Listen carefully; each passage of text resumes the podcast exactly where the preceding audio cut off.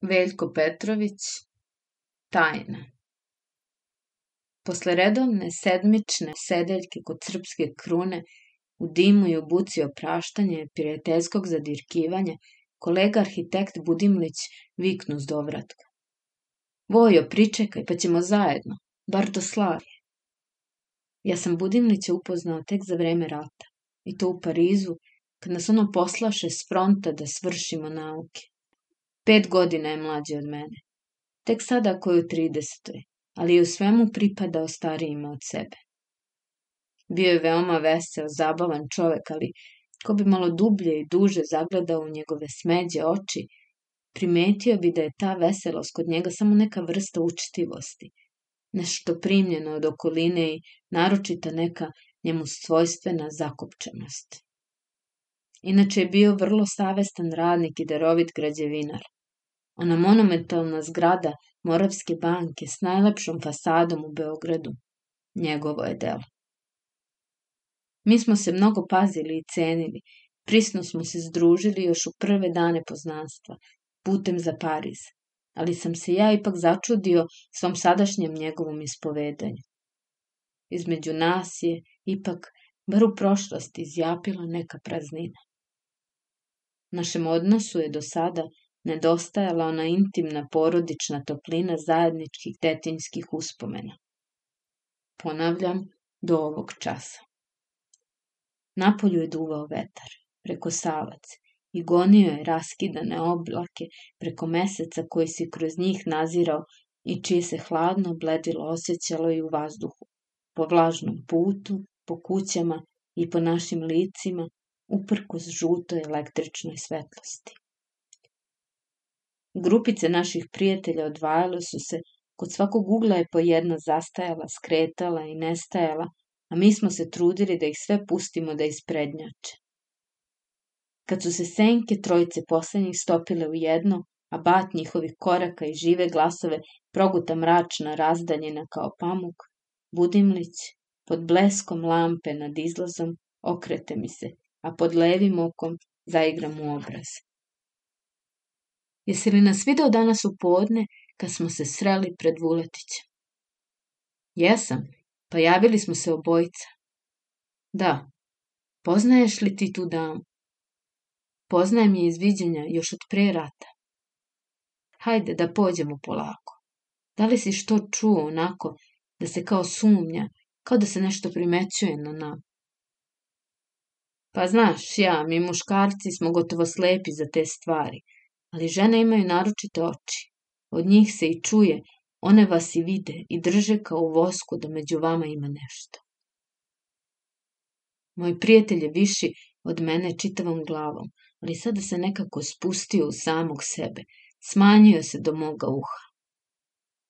O tom sam hteo da govorim s tobom. Izvini, molim te, znam ja da je za poštenog i lojalnog čoveka upravo teret da primi, pa maju od prijatelja tajno ovakve vrste. Ali ne mogu više da izdržim, guši me, formalno me guši. Potreban mi je neko da se oslonim na njega, da mi pomogne kao oduška. Prihvati, molim te, tu ulogu. Ja sam u teškom duševnom stanju, a sem toga, potreban mi je jedan savet. Ti si sređen čovek, proživeo se dosta, ti ili niko. Ti znaš, ja ne naginjem nikakvom misticizmu, ja sam počeo kao monista, a razvio sam se u skeptika, ali ovo što se sa mnom dogodilo i događa, ne znam. Ja ti nikad nisam bio zaljubljen. Još u ranoj mladosti sam preduzeo neki svoj način predohrane. Čim bih primetio na sebi da se suviše oduševljavam za koju ženu, ja bih odmah svesno ili silom potražio na njenom licu i telu ili u karakteru i temperamentu nešto neskladno, ružno, te bih tu manu pred sobom neprestano predočavao, na nju sred sređivao svu pažnju, dok mi se glava ne bi isparila. Ali, dragi moj, nije svako takav. Neko poleti u susret ludilu, raširi ruke, zatvori oči pa se zaleti strmoglavca. Znaš šta, hajde da svrnemo u kakvu kavanicu gde nas niko ne poznaje. Hajde u staru skupštinu, tu nam neće niko dosađivati. Takav je bio, kao što rekoh, entuzijasta, rođen da se začori, moj dragi prijatelj i ratni drug Niđa Pešić. Znaš ona iz Niša, starog artiljerskog potpukovnika sin što je poginuo prvi dan ofanzive na Bitolj. Mi smo bili školski drugovi, a u ratu nađa smo se u telefonskoj četi Moravske drugog poziva. To ti je bio rođen avanturista, mio, saobraćajan, trenutan kao bar, Oktobra 14. posla ga komandiru Niš radi materijala i dok je on tamo odsustvovao, nas podbiše Austrijanci te nas je pronašao na jedvite jake pod Kolubarom u nekom otačastvenom blatu razvaljenog sela Dići. Mi smo bili očajni, iznureni kao nesrećnici od neprestanog povlačenja i gledajući oko sebe pokisle trupe i dostavljajući bez prestanka vezu razdraženim, ozlovoljenim komandama a Niđa se vratio još veseliji i luđi no što je bio. Njegov optimizam nas je razgaljivao, no koji put i do besa terao. On je odjednom pronašao u sebi nekakve vojničke darove ja sam lepo video da mu ratnička slava ne da mira. Prohtelo mu se da bude junak, da okači Karadžorđevu zvezdu, a za to je bila slaba prilika čučeći pod šatorskim krilom sa slušalicom na ušima i prijavio se kao običan jahač u eskadron ili u najgorem slučaju u trupu. Razume se, poslaše ga u trupu, u treći puk. Pred polazak zapitam ga, šta mu bi? A on mi samo uzviknu, nakrivivši kapu i gutnuvši rakije. E, da ti znaš na kakvu sam ženu naišao u Nišu. Da nema rata, na Himalaju bih se peo za nju. Proći će to tebe niča. Šta ćeš ako izgubiš recimo nogu, a udeševljenje te proće? Niđa zatvori oči, nasmeši se zaneseno i zatrese glavu. Nikada. Pa se uozbilji, a bio je tako dečački punovažan i drag kad se uozbilji. Njen muž je jedna kukavica, zabušant, a uz to uobražena veličina. Ph, gospodin profesor, lep čovek s bradom, haha, siguran u njoj. Ona se međutim stidi njega, prezire ga i užasno pati zbog toga. Divna žena. Žena. Odmah prvo veče smo se upoznali, zasejale su joj oči kad je čula da sam s fronta došao, a kad je čula da sam u ovoj četi, podrugljivo me zapitala. A možete li vi slučajno tamo i da poginete? Znaš kako mi je bilo? Pocrveneo sam kao rak. Gospodjo, samo slučajno imate pravo, ali kad se vratim, čućete za mene. Sad je ona pocrvenela i molila me da je oprostim. Ona se šalila samo, međutim, ja sam se s mesta odlučio. Čuće ona još za mene. Već pri našoj ofanzivi bio je ranjen, a on mi je posle sve to ispričao. Ona je doletela u Valjevo da ga pohodi u bolnici. Naravno, posle toga je dobio odsustvo za Niš i tako se razvila jedna ratna, burna ljubav. Ja u to doba nisam znao kome je reč, no još i danas imam par njegovih pisama iz kojih se prosto preliva penušavo blaženstvo kao vruća tečnost iz preoskog suda. Našli smo se ponovo tek na krfu i na solunu. On je već bio oficir i nosio je na bluzi zlatnu medalju. Tu mi je, šetajući od Bea Skule do Olimposa i natrag, ispričao sve. U ratu na dohvat eventualne smrti, koja u svim oblicima kruži nad čovekom i vreba na njega, daleko od civilnog života i njegovih pravila, u našem slučaju čak daleko i od svoje otačbine, u tuđini, ljudi brzo postaju intimni jedno s drugim, priznaju i porodične tajne, što inače nikad ne bi ispovedili. Ima ih danas pod kaputom, mnogo njih koji se sada naknadno, stide zbog svoje nekadašnje rovojske slabosti i smatraju onog svog slučajnog konfidenta neprijatnim dužnikom, da ne kažem lopovom.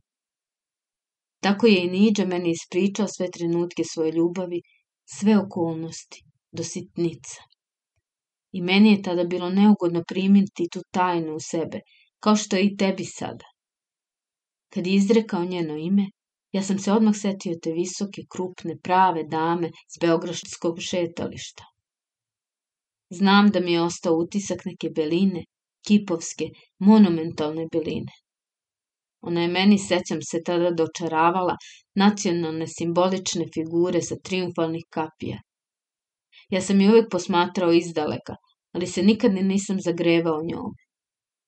Zar u tim teškim belim udovima može da uzavre živa crvena krv kao potoci lave, kako to moj prijatelj prikazuje? Zar te malene plave oči udubljene u pravilnu mramornu oblinu belog lica, oči koje stalno gledaju ravno i mirno napred iznad glava našeg žurajivog sveta, zar se mogu one da rašire i potamne pred navalom strasti koje treba kroz njih da sume? ali moj prijatelj je pričao tako živo, tako zadihano, da sam ja sve verovao. I više, ja sam proživljavao pored njega s njim zajedno sve trenutke, sve faze i peripetije proždrljive ljubavi. Ja sam drhtao s njim zajedno, ledio se i palio, kleo se, sumnjao i ubeđivao sebe. Držao i stezao u naručju kao najdivniju izvesnost. Tražio sa njenih izgužvanih i ranjenih usana zakletvu, a svoju je zakletvu nudio bacao i naturivao, da će biti moja, da će pregaziti sve obzire i da će biti moja, samo moja. Ja sam se s njim zajedno ogrevao u njenom strahu za njegov život, a rastao s njim u zenici njenu, u njenom divljenju, kao junak. Nikada ni jedna knjiga o ljubavi nije na mene tako uticala.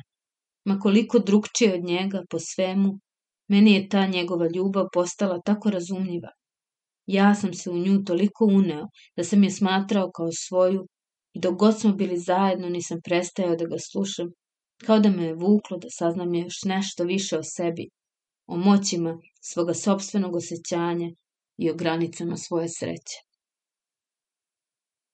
Kao što rekao, kod prve ofanzive, u kojoj on jurnuo s overenjem da ga ona čeka tamo na bojištu, raširenih ruku i s očima na odličju koje će steći, on je poginuo. Ali ja sam nastavio da mislim o njoj, onako kako bi on mislio da je živ. I nestrpljivo sam čekao kraj rata, pobedu i povratak u zemlju, samo da bih nju zagledao jedno. I veruj, kad su nas ono rešili fronte, ja sam pomislio da to Niđa ne bi učinio. On bi se s vojskom vratio njoj. No uvideo sam isto tako da bi to bilo smešno od mene, Otišao sam dakle, ali s izvesnim pocenjivanjem svoje ličnosti. Čim sam se vratio, prvi dan sam je video. Prošla je pored mene nešto umornijeno pre četiri godine, ali još uvijek ispravna i ponosna. Prošla je i pogledala me. Bolje reći, spustila je pogled na mene. Jedan trenutak sam, ravnodušno, kao što ptica sleti u šumi na bog zna koju nezapamćenu granu, pa odmah odleti dalje, a grana ostane na svom mestu, zaljuljana. Komično je i reći, ja sam se mnogo uzrujao, a čudio sam se što ona mene, posle svega što znam, ne izdvaja od ostalih. Više sam se tome čudio da me je zaustavila na ulici. To isto osjećanje imaju mladići kada jedno jutro među prvima sretnu onu nepoznatu damu u kojoj su istu noć sanjali mladićki san. Ma kako uzdržljiv u tim stvarima, ja sam uložio truda da se nađem s njom u jednom prijateljskom salonu. Nisam bio načisto kako ću je pristupiti i da li ću uopšte spomenuti svoje drugovanje s pokojnim niđom. Međutim, ona se držala tako hladno i nepristupačno, možda baš zbog moje svom snagom obuzdane pažnje, da sam se ja morao čuvati od svakog nagoveštavanja. Tek treći put, kako smo se našli opet u istom društvu, uspelo mi je da u razgovoru o ratu sa samim domaćinom pomenem i niđino ime i naše ratničko drugovanje. Ona je bila među damama i ja sam sa strane, ispod oka, primetio da su je, pri pomenu njegova imena, trepavice jedva primetno pale, kao od iznenadne jake i bolne svetlosti, bez sumnje da je gubila nit njihova ženskog ćeretanja. Ja sam prestao s pričanjem, a njoj je očigledno odlaknulo, iako je moralo biti žao. Te iste večeri prišao sam joj, ali ona me je dočekala onim poznatim svojim izgledom sa ulice i tek kad se uverila da ja ne dotičem onu temu, njeno je lice počelo da oživljava. O, da znaš njen izraz kad se ona za nešto zainteresuje. Sva je njena lepota u izrazu, u postepenom zagrevanju i sijanju toga glečerskoga lica.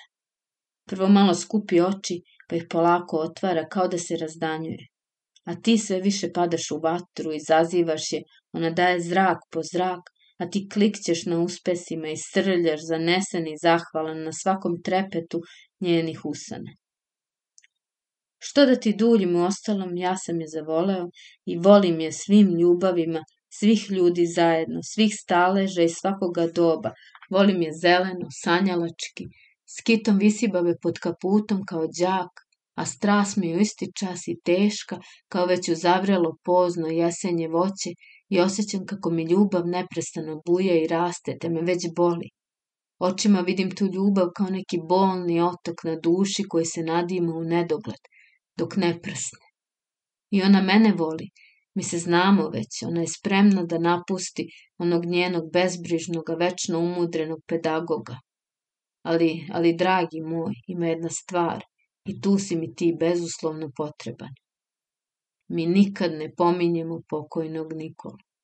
A ne mogu da se oslobodim pomisli na njega. I isto to slutim da je i u njoj. Ona ga ne pominje ni u aluziji, a ja ne smem. I sad, vidi, molim te, ja i u najzanosnijem trenutku osjećam njegovu prisutnost, odnosno prođe me misao kao jeza da je i ovo sve i ova najdivnija java u stvari samo moja fantazija. Da nisam ja to taj koji je drži u zagrljaju, već sam joj ja. To samo kao neki poslanik, zamenik pokojnikov, da ni moja ljubav, ni moja strast, ni moje uživanje, ni moji bolovi nisu izvorni, da nas dvoje i kad se najopijenije zagnjurimo u ljubavni zaborav, nikad ne možemo postati jedno. Samo nas dvoje izvan svega, jer između nas lebdi i provlači se jedna mrtvačka senka, jer nas, ako je i privukla jedno drugom isto tako, i razdaleko drži ista ona fatalna tajna. Reci mi, molim te, da li se može preneti na drugog svoja ljubav, u svoj njenoj punoći? Da li se može voleti zbog nekog drugog, neko treći, zajednički? Da li može ljubav umrlog ljubavnika da traje i dalje u živima, ona ista ljubav? Iako je sve to nemoguća ludost. Ako je to moja samo ljubav, naša ljubav, kako da se otresem te kosturske ruke, one bivše tuđe ljubavi koja me ne pušta. Zatim reci mi ako Boga zna šta da radim, da li da joj kažem sve, da joj iznesem tajnu, tu njihovu tajnu koju ja znam i koju ja nosim sobom kao gvozdene verige na svome golom telu, svuda i u ložnicu s njome. Ja premirem od straha jer imam ubeđenje da će me ona onoga časa odgurnuti od sebe. A davi me, veruj, tu me davi. Ne mogu više da podnosim to ćutanje, to između nas. Zar i do smrti tako s tim bremenom u duši, s tom nevidljivom, nepriznatom, prećutanom aveti među nama? Šta da radim? Savetuj me, molim te kao brata, da li da kažem ili ne. 1923